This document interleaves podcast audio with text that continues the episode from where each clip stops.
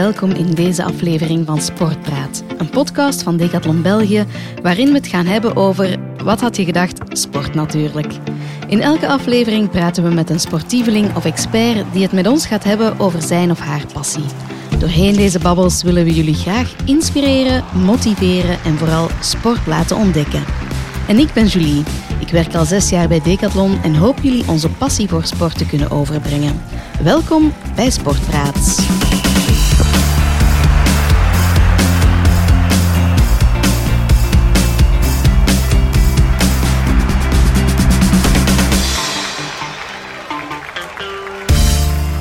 Vandaag gaan we het hebben over sporten en slaap. Slaap is een routine die we met z'n allen verwaarlozen en zelfs sporters onderschatten nog massaal het belang van rust op hun sportieve ambities en prestaties.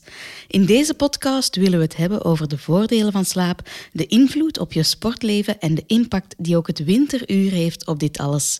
Waarom je dus best goed investeert in je slaap en misschien krijgen we zelf wat tips over hoe je zelf beter kan slapen. En daarvoor heb ik vandaag Inge te gast. Welkom Inge. Hallo Julie. Uh, Inge, Inge de Klerk is arts, neuroloog en gecertificeerd slaapexpert en schrijfster van het boek De Kracht van Slapen. Met haar programma Sleep Well en Stressless brengt ze de kracht van slapen naar organisaties en de bedrijfswereld. Inge is een gepassioneerde gids die mensen leidt naar een optimaal prestatievermogen, versterkte veerkracht, energie en gezondheid en dat alles via het optimaliseren van hun slaap- en waakkwaliteit. Um, ja, Inge, je hebt ook een hele brede opleidingsbasis, want je studeerde uh, geneeskunde aan de KU Leuven, een bachelor filosofie aan de Franstalige ULV, ULB eh, en dan um, ja, maakte nog eens je deskundigheid, um, vervolledigde je die met een universitaire opleiding um, in de cognitieve gedragstherapie voor insomnie aan de ULB. ik denk dat we bij de juiste persoon zijn als we het vandaag met iemand over slapen gaan willen hebben. Hè? Uh, wel ja, ik vermoed van wel. ja, en dan heb je onlangs ook een boek uitgebracht. Ja, De Kracht van Slapen inderdaad, uitgegeven bij Pelkmans. Ja. vol tips, hè, ook. Ja, ja, Veel tips, praktische richtlijnen van hoe ga je beter slapen. Altijd met de nadruk op, um, ja, en daar kunnen we het vandaag natuurlijk ook over hebben, dat je eigenlijk, ja, gezond slapen is een levensstijl. En dat je eigenlijk tijdens, vanaf dat je opstaat, zorgt voor je gezonde slaap. Oké. We gaan beginnen bij het begin, mm namelijk wat is slaap? Um, ja, we willen weten hoe, hoe werkt slaap? Wat doet dat met ons? Um, is het simpel uitgedrukt een herstel van lichaam en geest of is het iets meer? Het is nog wel iets meer. We weten eigenlijk altijd niet 100% waarvoor slaap allemaal dient. Hè. Daar zijn we nog altijd aan het over onderzoeken. Maar wat we ondertussen wel weten, is dat ja, slapen en waken dat dat ten eerste twee toestanden zijn, mm -hmm. waarvoor wij allemaal geprogrammeerd zijn. Je zei het in jouw inleiding ook, het is bijna een automatisme. Dat is het eigenlijk ook. Onze brein gaat automatisch in de slaapstand s'nachts. En die slaapstand is nuttig, omdat we dan inderdaad een hoop herstelmechanismen gaan in gang zetten. Uw immuunsysteem gaat geboost worden, bijvoorbeeld. Um, uw hormonale uh, systemen, zoals bijvoorbeeld gaan in balans komen. Bijvoorbeeld groeihormoon wordt alleen maar aangemaakt tijdens jouw diepe slaap. Mm -hmm. Dus daarvoor is het belangrijk voor rust, um, voor herstel, voor, um, voor, voor ja, bepaalde ook cognitieve functies, geheugen bijvoorbeeld, opslaan in het geheugen. Dat gebeurt ook uh, heel belangrijk. Die slaap zorgt daar vanzelf voor. Ja. En je zei slapen en waken.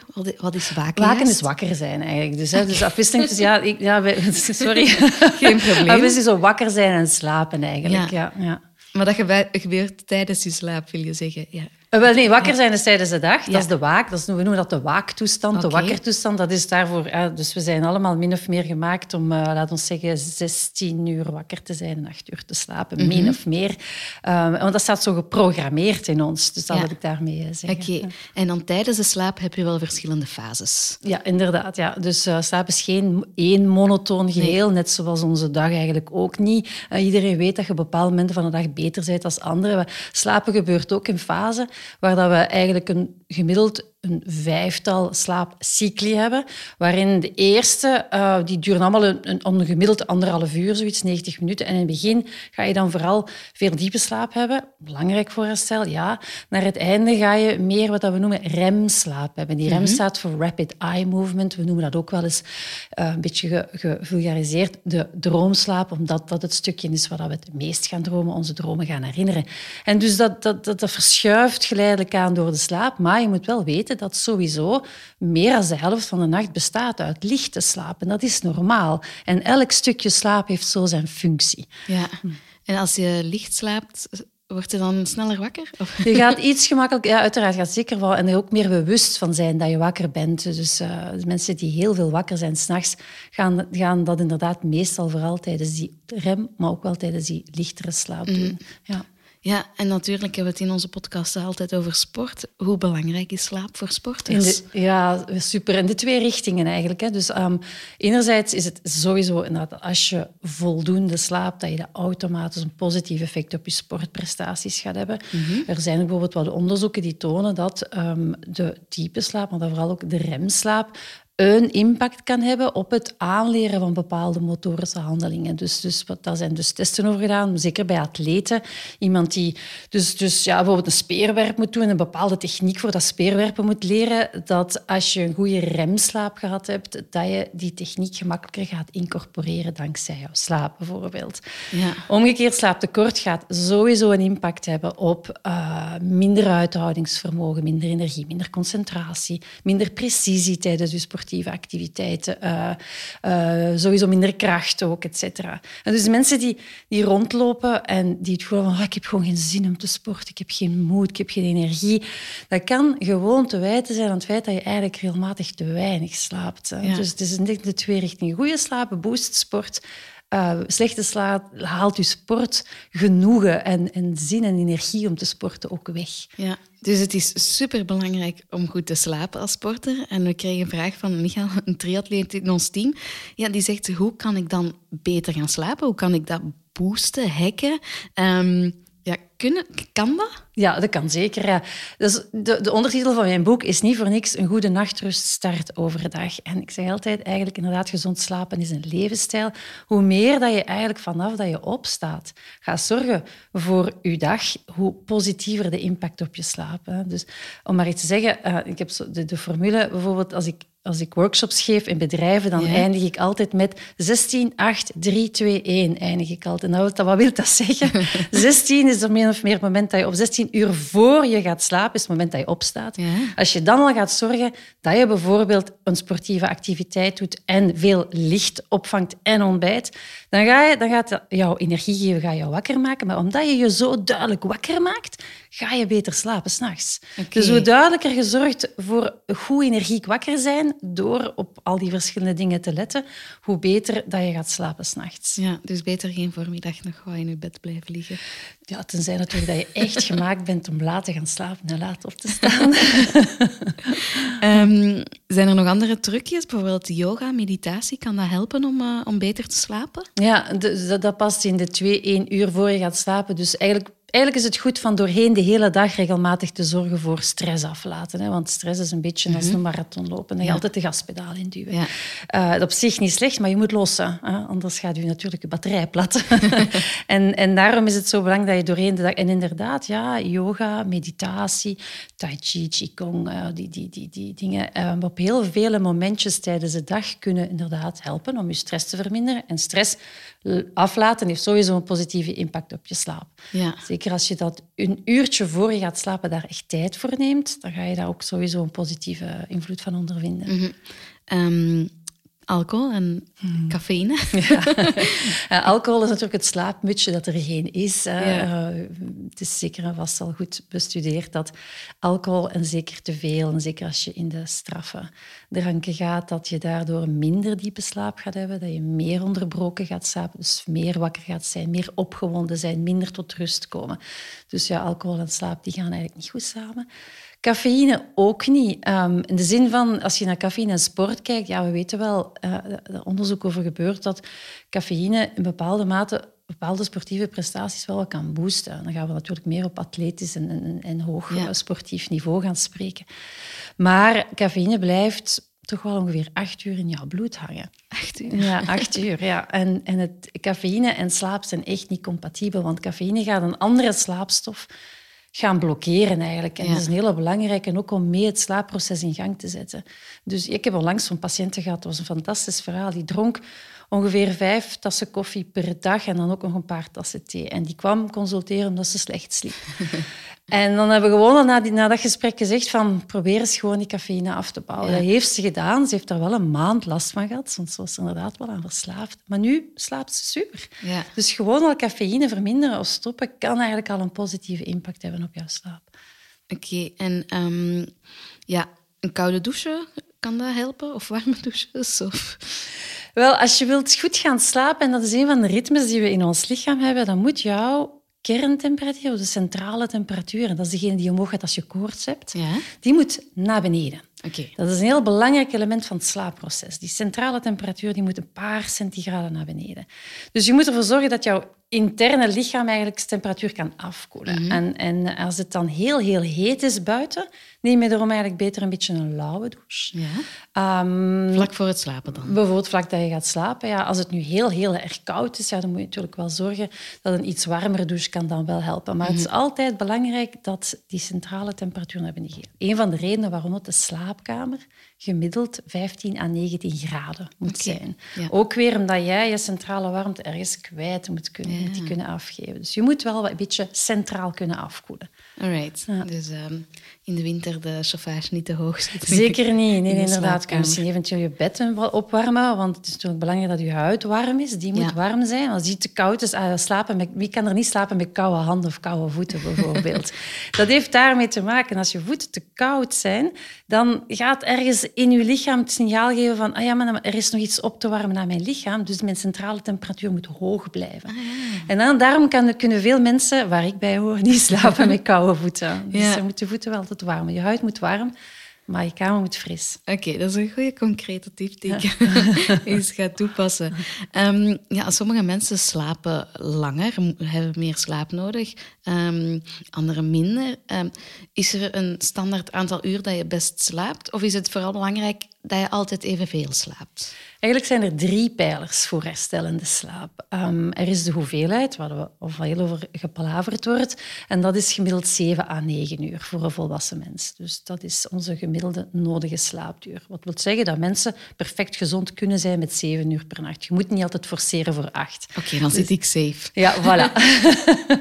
Eh, de tweede pijler is eh, inderdaad die regelmaat of de timing. En daar wordt soms een beetje te veel nadruk gelegd op het moet altijd hetzelfde uur zijn. Ja. Dat klopt niet helemaal. We hebben, ik zeg altijd, het moet het juiste uur zijn. We hebben een bioritme. We hebben vroege en late vogels. En iemand die in een late is, moet je niet forceren om elke avond om tien uur in zijn bed te kruipen. Dat werkt niet. Dan val je niet in slaap.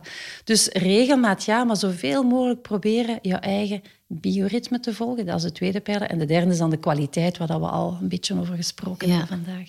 Oké, dus het is oké als, als ik een beetje later ga slapen, als ik maar mijn zeven uur heb. Absoluut, want dan wil het zeggen dat jij jouw bioritme volgt. En dat is misschien nog veel belangrijker als... ehm, als eh, bijvoorbeeld, ja, alle, alle drie pijlers zijn belangrijk, maar het volgen van je eigen bioritme is een essentiële pijler voor gezondheid. Ja, oké. Ehm, en sporten vlak voor het slapen gaan, is dat goed? Eerder niet, zeker niet intensief sporten. Dat sluit een beetje aan met dat verhaal van de centrale temperatuur. Hè? Want er zijn drie redenen eigenlijk waarom dat s'avonds laat intensief sporten niet ideaal is voor je slaap. Ten eerste omdat je dan opwarmt. Centraal warm je op. Dus, eh, dus dat maakt je intern te warm en dat verstoort dan weer het slaapproces. Ten tweede, je gaat als je intensief sport een aantal stoffen aanmaken. mycket. De fameuze endorfines, hè, het high-gevoel, de runner's high. En dopamine. Nou, die, die dopamine is een welzijnshormoon, dus dat boost. Dat zijn echte wakkermakers. Dat zijn hormonen die je wakker maken. En ten derde eh, weten we ook dat heel laat sporten een ander slaaphormoon, de fameuze melatonine, waar we misschien nog over gaan hebben vandaag. Eh, melatonine wordt onderdrukt door laat gaan sporten. Dus het kan eigenlijk jouw jouw jouw gevoel van slaperigheid, van oké, nu is mijn slaaptijd gekomen, nog naar achter schuiven. Dus ook weer verhinderen om, eh, om in te slapen. Dus Ja. om die drie redenen is het niet zo ideaal om laat intensief te gaan sporten. Ja, maar ja, een, een match is, is vaak s'avonds. Dus hoeveel tijd moet je dan nog wakker blijven na, na je wedstrijd? Of- Ideaal minstens twee, ideaal minstens twee uur. Oké, ja, twee ja. Ja. maar er zijn natuurlijk wel een aantal aanwijzingen. Je kan een aantal technieken doen, bepaalde ademhalingstechnieken, om je intern tot rust te brengen. Bijvoorbeeld uh, die fameuze afkoelende douche dan. Mhm. Dus je kan misschien wel een beetje forceren. Ja. Ehm, we hebben het gehad over nu slaap, algemeen slaapkwaliteit. Um, als je een wedstrijd hebt gepland, um, kan je dan je best doen om, om de dag ervoor beter te slapen? Of, of is het belangrijk om voordat je gaat sporten uh, goed hebben geslapen? Ja, dat is een goede. Um, uh, inderdaad, veel, zeker als je zo'n belangrijke match hebt, belangrijk, dan kan je inderdaad door de nervositeit dat daarmee gepaard gaat ook wel eens wat slechter slapen. Of inderdaad, het is super vroeg, whatever. Dan is er inderdaad zoiets als sleep banking, hè, een beetje slaap opslaan. Dat geldt vooral voor sporten, niet voor het dagelijkse leven, maar extra lang slapen de nacht ervoor kan helpen, inderdaad. Dus zorg dat je een soort slaapextensie doet, een sleepbank, een beetje, een beetje reserve opslaan de nacht ervoor. Dat blijkt wel een positief effect eh, te hebben. Dus de nacht voor je sportprestatie. Ja, de nacht voor je sportprestatie. Langer slapen, extra lange nacht. Ja. Langer uitslapen dan, dat werkt het best. Niet, niet van, ah, ik moet morgen, uh, overmorgen of morgen een, een, een moeilijke ding, dus ik zal maar veel vroeger in bed gaan, zoals ik daar juist zei. Nee, dan ga je niet in slaap vallen. Maar zo je dag plannen dat je de dag erna wat extra langer kan slapen ja. Dat is de beste manier. Ja. En dan voor het herstel, ja, na een zware sportprestatie ben je vaak super moe. Moet je dan ook langer slapen voor een beter herstel te hebben? Niet noodzakelijk. Ik denk dat je nog altijd voor moet zorgen dat je um, door een heel goede slaapkwaliteit zorgt daarna. Dus ook weer door voldoende af te bouwen, door lang genoeg te zorgen dat je lichaam afkoelt, voor te ontspannen, eventueel de onzekerheid of de stress die daarmee gepaard gaan goed verwerken. Um, dus zorgen, heel hard zorgen voor de slaapkwaliteit. Mhm. We hebben het gehad over onze bioritmes. Um, we zitten in de periode rond de uursverandering. Um, dus we gaan het sneller donker hebben. Is dat slecht voor ons slaapritme? Integendeel, eigenlijk het winteruur is um, al een pak gezonder als zomeruur. Ah, ja. Eigenlijk is permanente zomertijd even ongezond als elke dag fastfood eten. Ja. ja. en ik leg even uit waarom misschien. Um, omdat als we in de permanente zomertijd zijn, dan zijn we... Zijn, ik, ga, ik ga één stap terugzetten. Er zijn eigenlijk drie soorten tijd.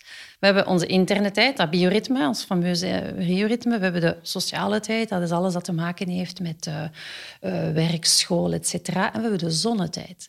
De tijd ten opzichte van ons, ten opzichte van de zon. In zomertijd zijn we twee uur verwijderd van die natuurlijke zonnetijd. Dat is heel ongezond. Er is ontzettend veel onderzoek over gebeurd al. Dat echt aantoont hoe ongezond dat voor ons is. Dat we constant eigenlijk in een soort van een jetlag leven ten opzichte van de zonnetijd. Met het winteruur gaan we al een uur terug in de goede richting. Bovendien, overschakelen van zomer naar winter, gaan we een uurtje meer mogen slapen. En ik weet, veel mensen zeggen van, oh, maar dan wordt het zo donker s'avonds. uh, maar eigenlijk, je moet de nadruk leggen op het licht ochtends. Want als je echt gezond wilt zijn, heb je vooral heel veel licht ochtends nodig. En moet het s'avonds donker zijn. We zijn gemaakt voor die natuurlijke afwisseling van licht en donker te volgen. En met zomertijd ga je gewoon... Ja, de avond, dat is natuurlijk supergezellig, hè, maar moet je licht hebben om een gezellige zomeravond te hebben? Ja. is de vraag. Wat je daarmee doet, is eigenlijk gewoon s'avonds veel te veel licht. En zoveel licht s'avonds is nefast voor onze biologische werking. Gewoon. Daarom dat permanente zomertijd even ongezond is als elke dag fastfood eten. En winteruur is gezonder voor ons. We hebben dat ochtendlicht nodig. En dankzij de winter gaat het bijvoorbeeld... Dankzij wintertijd, in januari, is het ochtends tussen 8 en 9 licht, dan heb je dag. Mhm. Moesten we in permanente zomertijd leven, dan was het pas rond tien uur licht in januari. En donker wordt het toch s'avonds. Ja. Want door die wintertijd ga je, ja, je kunt geen zomer in de winter brengen. Dat kan je gewoon niet. Het is nu eenmaal zo. Winter is korter, winter is donker, dat is niet leuk. Maar als je dan tenminste s ochtends het daglicht opzoekt, en dat is dan ook weer positief voor jouw slaap, dan ga je, mm, dan ga je daar veel gezonder mee zijn en beter energie hebben ook. Dus jij bent voorstander van permanent winteruur? Absoluut, ja. ja. En met een heel consortium wetenschappers zijn wij dat samen. ja. Um, ja, chronisch slaaptekort, daar hebben we het nog niet echt over gehad. Um, kan je daar iets aan doen? Um, mensen die daar eigenlijk altijd moe zijn? Hmm. Ja, je kan er zeker iets aan doen. Daar heel beducht op zijn zelfs. Mm -hmm. Want chronisch slaaptekort is ook een beetje een ja, en dan gaan we misschien straffe termen gebruiken, een stille doder.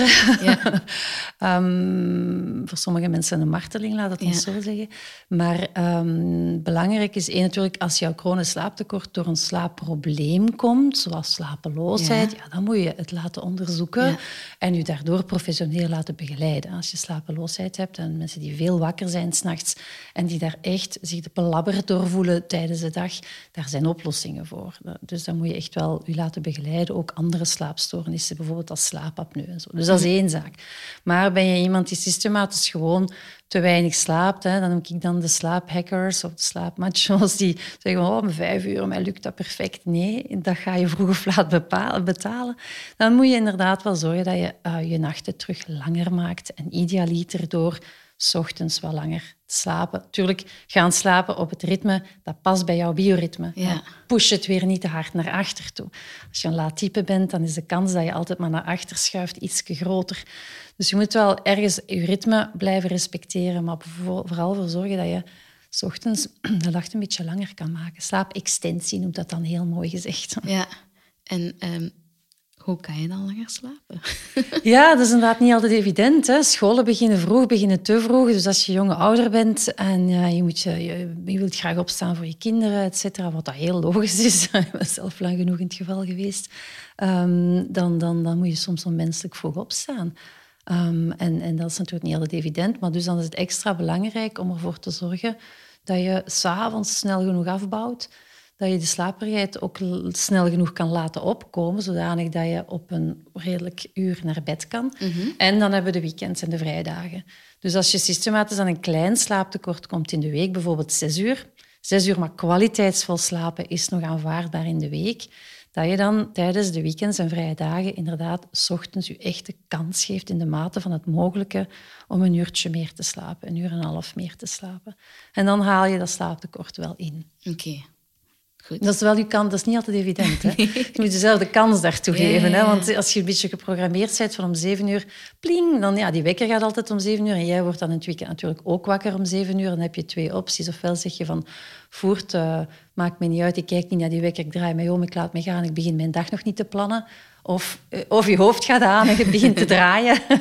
er zijn technieken voor natuurlijk. Hè. dus die beschrijf ik wel in mijn boek ook. Oké, dan gaan we dat zeker uh, eens moeten doornemen als je daar uh, met, met zo'n problemen kampt. Um, zijn er bepaalde rituelen voor het slapen gaan dat je wel kan bevorderen om, om beter te slapen? Ja, absoluut. Ja. Zeker en vast zijn. Dus, dus dat is die, die, die één en die twee uur voor het slapen gaan, die inderdaad ook wel belangrijk zijn. Dus ja, we hebben het dan een beetje over licht gehad en mhm. melatonine. Um, melatonine is een slaaphormoon. Hè. Dus we maken dat allemaal aan en dat zet het slaapsysteem aan en dat zorgt ook voor het onderhouden van de slaap. Dus het is niet alleen belangrijk voor het inslapen, maar ook voor de slaapkwaliteit doorheen de nacht.